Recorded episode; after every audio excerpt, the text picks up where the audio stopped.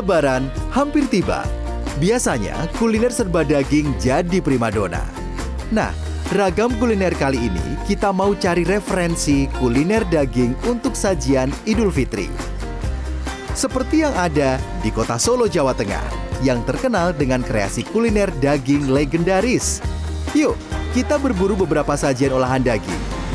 Eits, tapi bukan daging sapi ya, karena kita mau cicipi olahan daging kambing yang tentu saja bikin ngiler. Hmm. Yang pertama, kita akan menuju Jalan Muhammad Husni Tamrin Manahan.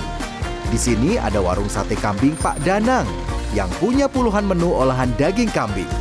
Warung ini buka mulai pukul 10 pagi dan biasanya menjelang siang hari sudah habis. Ada makanan. Ya.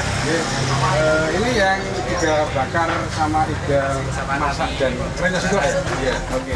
Yang jadi favorit di warung ini ada iga bakar atau masak rica-rica kambing, tongseng, serta krenyos atau lemak kambing yang dicampur gulai jeroan kemudian digoreng kering. Wow, mbe mbe, nyam nyam. Ragam kuliner kali ini kita akan menyantap olahan dari daging kambing. Nah, kali ini sudah ada di hadapan saya adalah iga masak. Kemudian ada iga bakar dan ternyos. Nah, Sejumlah pelanggan warung sate Pak Danang mengaku olahan kambing di sini rasanya lebih gurih dibandingkan tempat lainnya. Dagingnya empuk, empuk banget nih mas. Gue aku yang ini apa nggak tahu. Jadi Mas Danang nggak tahu saya juga tapi ya empuk empuk benar mas masakan sing sing masakan itu Menurut pemilik warung, usahanya buka sejak tujuh tahun yang lalu dan selalu menambah variasi olahan kambing di warungnya sesuai permintaan pelanggan setia. Tengkleng masak sama iga masak sama ya sama. Banyak banyak hampir 23 menu. Soal harganya, tenang, ramah di kantong kok. Puluhan menu kambing di sini dihargai mulai 20 ribuan hingga 35 ribuan rupiah.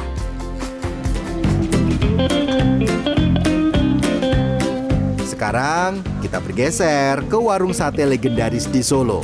Namanya Warung Sate Mbok Gala yang ada di Jalan Kimang Nusarkoro. Dahulu, sate dijajakan dengan cara dipikul, berkeliling. Namun pada 1980 mulai menetap dan membuka warung. Awalnya hanya ada sate bakar, tongseng, dan gulai. Tapi seiring berjalannya waktu, menyediakan juga tengkleng dan sate buntel yang menggoda iman. Duh, duh, duh, mulai giler nih. Nah, sate buntel jadi favorit di sini. Selain karena bentuknya yang besar dan empuk, tentu saja karena rasanya gurih manis yang bisa menggoyang lidah.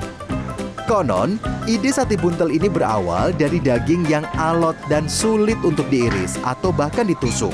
Kemudian, agar bisa dimasak dan dimakan, daging yang alot dihaluskan, kemudian dibungkus dengan lemak dan dibakar. Itu dari eh, bagian daging yang mungkin di situ kan alot. Kalau dimasak sate jadi alot, kalau ditongseng juga alot, Pak. Jadi akhirnya dibikin sate buntel dengan cara Untuk harganya berkisar antara 40.000 hingga 50 ribuan rupiah per porsi. Ah, tadi sate campur, sate campur itu ada sate buntel sama sate biasa. Ah, sate buntelnya enak sih, dia empuk. Dalam sehari, warung sate Mbok Gala mampu menghabiskan 10 ekor kambing. Wah, ada tertarik mau coba yang mana? Tapi jangan lupa, selalu atur porsi makannya ya, supaya tetap aman di lambung. Sri Hartono, Fajar Indrajaya, Solo, Jawa Tengah.